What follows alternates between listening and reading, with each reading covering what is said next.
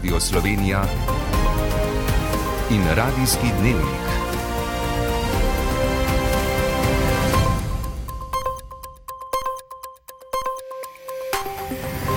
Ura je 18 in 30 minut.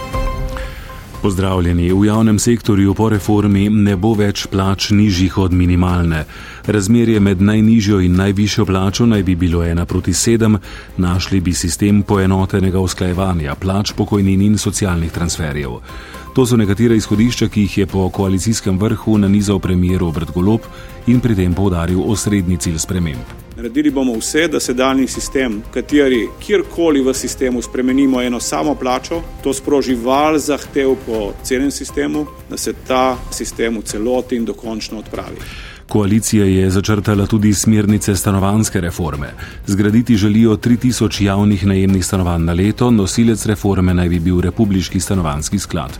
Preletimo še druge povdarke odaje. Več tisoč ljudi v Ljubljani v podpori vidnih predstavnikov opozicijske SDS zahtevalo više pokojnine. Brusel ukrepitev evropskih zelenih tehnologij z državnimi pomočmi in poenostavljeno regulacijo kako v Novi Gorici potekajo priprave na Evropsko prestolnico kulture. Jutri na severu oblaki, na severovzhodu plohe, drugot več jasnine. Z vami sva Eva Longika Marušič in Rok Kužel.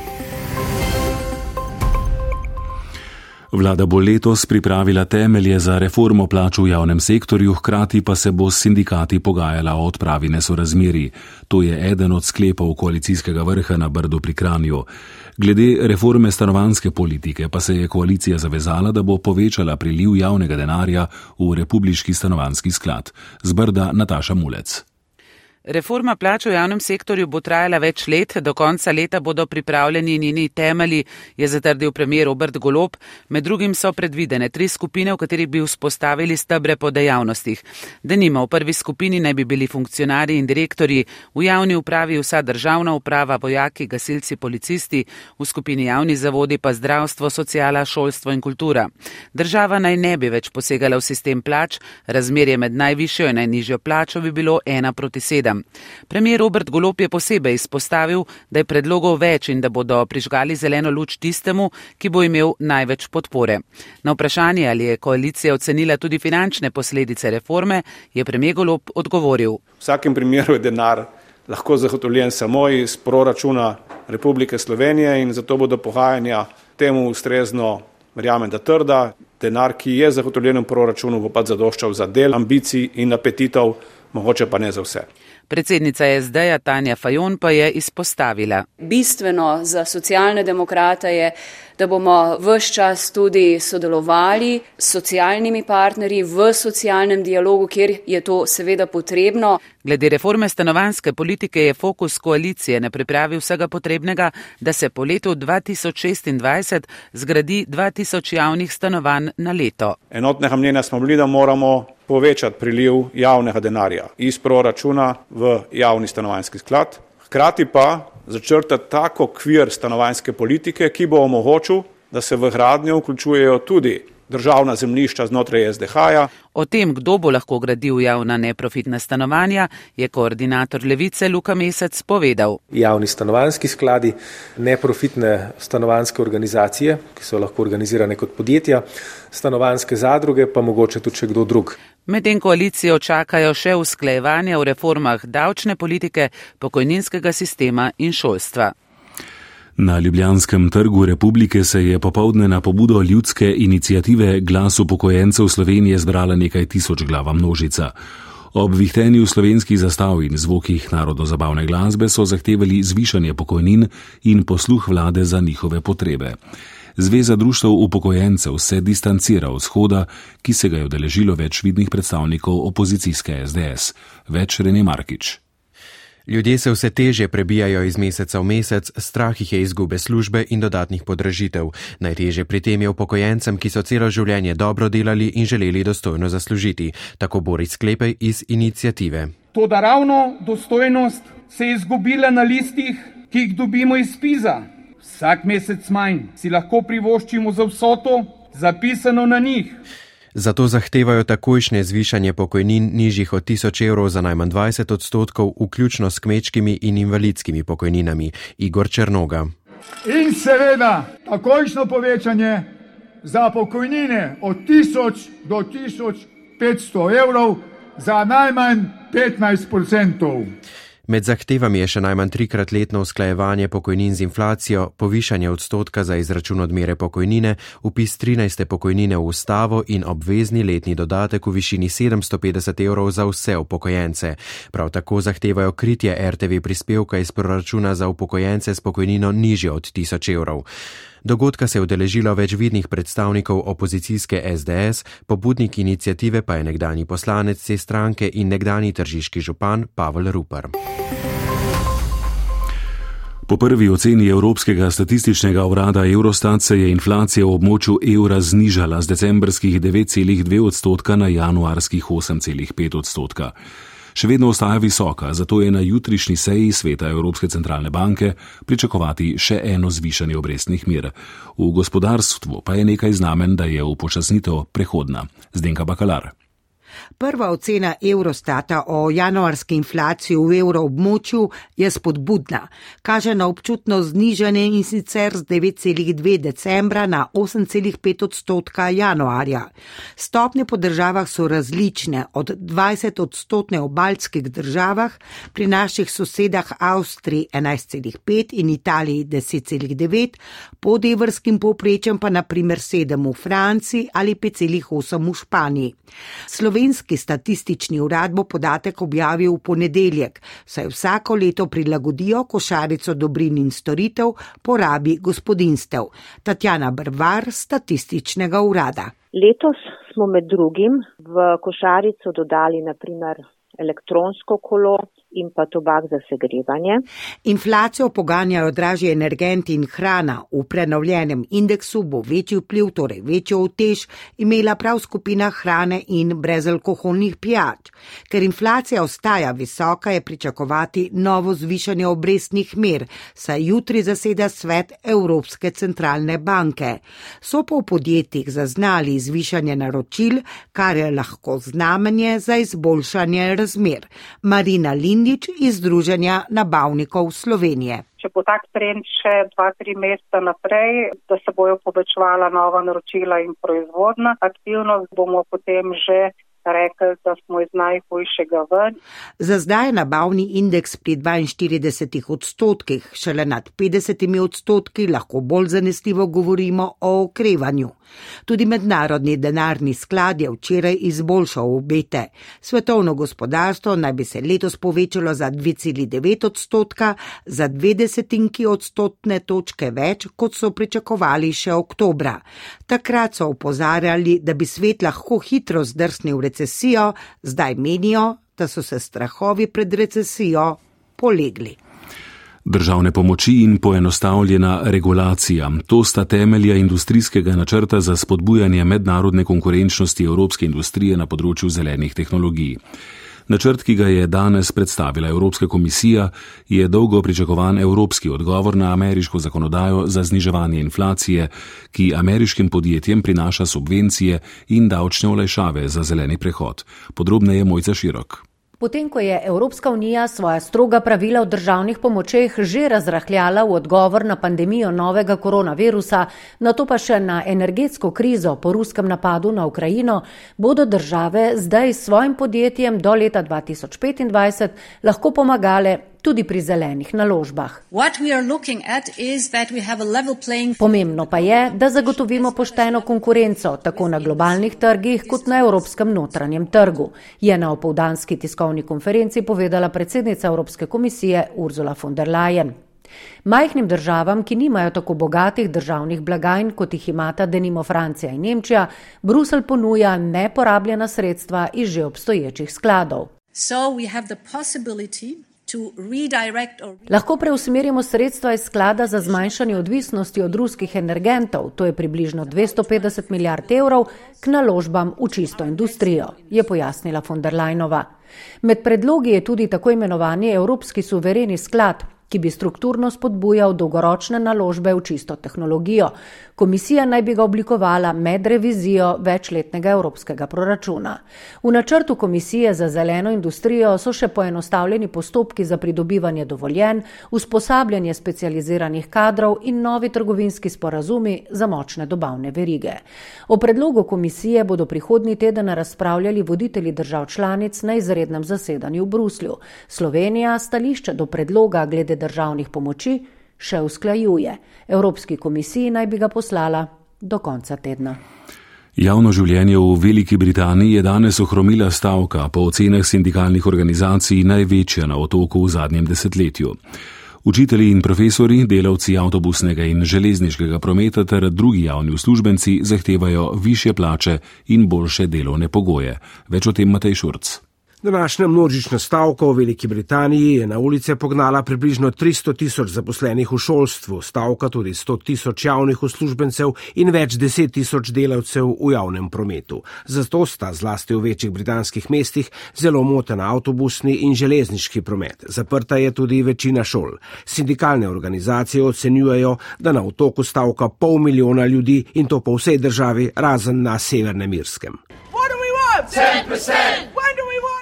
Ena od glavnih zahtev stavkajočih je zvišanje plač za najmanj 10 odstotkov. Javni uslužbenci so bili doslej deležni najnižjega povišanja zgolj 2 odstotkov, inflacija pa je dosegla dvomestno število. Ljudje imajo tega dovolj, pojasnjuje sindikalni predstavnik Mark Novel.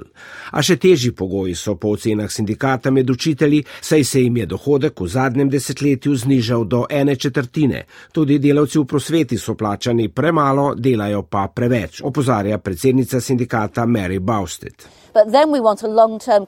Zahtevamo dolgoročni popravek plač, saj učitelji za nadure sploh niso plačani, delajo pa od 55 do 60 ur na teden. Konzervativna vlada premijeja Rišija Sunaka je za zdaj pripravljena povišati plače le za 5 odstotkov. Stavkovni val, ki je na otoku vse močnejši in množičnejši, pa se bo nadaljeval, če vlada ne bo popustila sindikalnim zahtevam. Ukrajinsko mesto Bahmut je po navedbah proruskih separatistov v vzhodni regiji Donetsk obkoljeno. Ukrajinske oblasti se na te navedbe še niso odzvale. Britanski obveščevalci medtem navajajo, da so ruske sile napredovale proti Vugledarju, najverjetneje z namenom odvrnitve ukrajinskih prizadevanj za obrambo Bahmuta. Nemški obrambni minister Boris Pistorius je dejal, da mora Nemčija kar se da hitro nadomestiti tanke, ki jih bodo poslali v Ukrajino. Ob tem je dejal, da mu je vseeno, odkot bo Nemčija vzela denar za naročila. Ruske oblasti pa so se odzvale na izjavo izraelskega premijeja Benjamina Netanjahuja, ki je dejal, da premišljuje o dobavi vojaške pomoči Kijevu. Moskva opozarja, da bodo vsakršne dobave orožja vodile v stopnjevanje krize. Radijski dnevnik. Zdaj pa v Novo Gorico, ki so ji skupaj z Gorico pred dvema letoma podelili naziv Evropska prestolnica kulture 2025. Ob železniški postaji, kjer bo med mestoma zrasel tako imenovani EPK distrikt, se še nič ne dogaja. To območje naj bi po EKP-ju postalo novo somestje med Gorico in Novo Gorico ter osrednja zapuščina tega prestižnega naziva kdaj bo slovesno odprtje in kako potekajo načrti v programskem delu, ki naj bi v 365 dneh privabil na Goriško milijon obiskovalcev, se je pozanimala Nataša Uršič. Prihodnji teden bodo sporočili, kdaj bo slovesno odprtje Evropske prestolnice kulture, pove Gorost Božič, direktor zavoda GO 2025. Naša otvoritev bo potekala med obema železniškima postajama Goriško in Novogoriško z zaključkom na Trgu Evrope pijaci Transalpena in pred občinsko stavbo in v SNG Nova Gorica. Tako je to zamišljeno in zdaj si lahko predstavljate logističen izziv, ko ti moraš za praktično zapreti dve mesti za dva, tri dni in pričakuješ tam okoli rečemo, dobrih 60-70 tisoč ljudi, čeprav si upam reči, da tudi kaj več. Na slovenski strani bo srednji prostor EPK Distrikt. Nova tehnološko-kulturna urbana četrt se bo raztezala na 3 km dolgi coni od Mostovne na severu do Univerze Univerza v Novi Gorici na jugu. Ker vse vsebine tako zvanega epika, tega novodobnega muzeja s pogledom na zgodovino iz dveh perspektiv in centra um, razmišljanja evropskosti itd. To bo vse postavljeno v stavbo trenutnega skladišča ob železniški postaji. Zraven tega objekta je potem še objekt tako imenovane super osmice, Ta je oziroma bo dobil ime po filmskem traku. V njem bodo poleg filma predstavljene turistično-kulinarične posebnosti območja oziroma osmice. Finančna sredstva za programski del znašajo 18 milijonov evrov.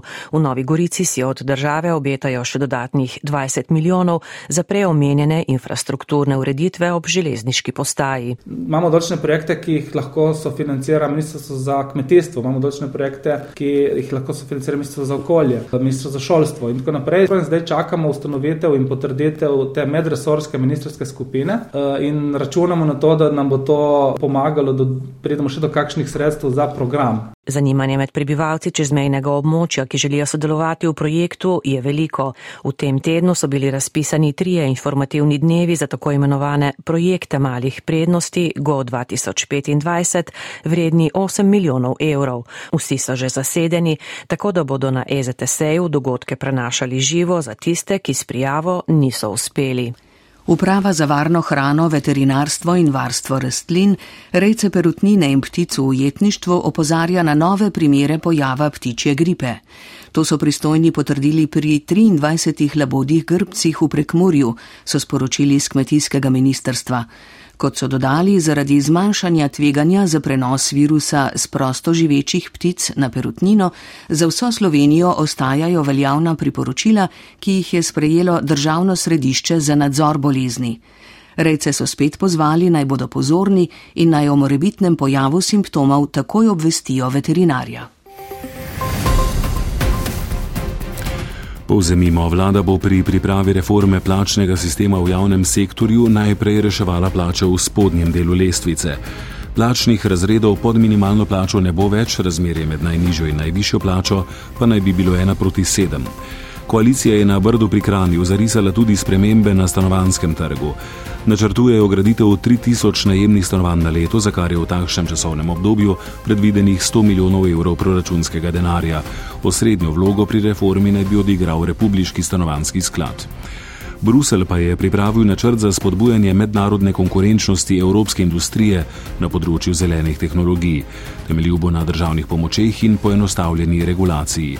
Predlog komisije bodo voditelji članic Unije obravnavali prihodnji teden. V športnih minutah, ki sledijo, pa največ o dogajanju na teniških igriščih. Z vami bo Mojca Breskvar. Hvala za pozornost in prijeten večer želim.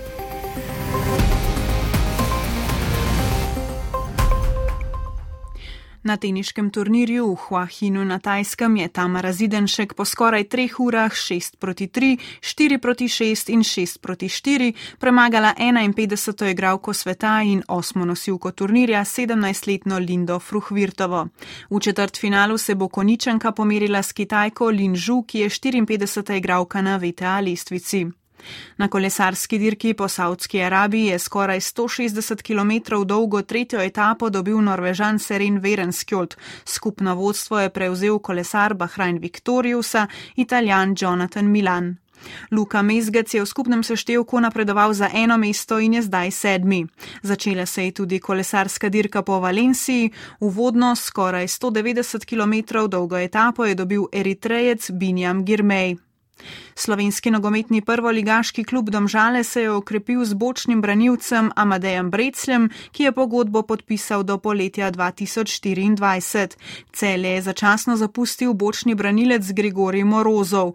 Klub je sporočil, da so igralca za pol leta posodili v Izrael k Bejtarju iz Jeruzalema. Eden najboljših igralcev v ameriškem nogometu, podajalec Tom Brady, je že drugič napovedal svojo športno upokojitev. Sedemkratni zmagovalec Super Bowla je že februarja lani napovedal slovo od aktivne karijere, vendar si je po 40 dneh premislil. Tokrat je Brady dejal, da je upokojitev dokončna. Čez približno eno uro košarkarje Olimpije čaka 13. tekma Evropskega pokala v sezoni. Slovenski prvak bo gostil četrto uvrščeno moštvo v tej sezoni Venecijo, Ljubljančani so trenutno zadnji na lestvici z le dvema zmagama. Poleg Evropskega pokala bodo danes odigrane tudi tri tekme košarkarske Eurolige. Poslušali ste radijski dnevnik, urednik Niko Robaus, voditelj Rok Kožel, napovedovalka Eva Longika Marušič, tonski mojster Ambrož Cirej.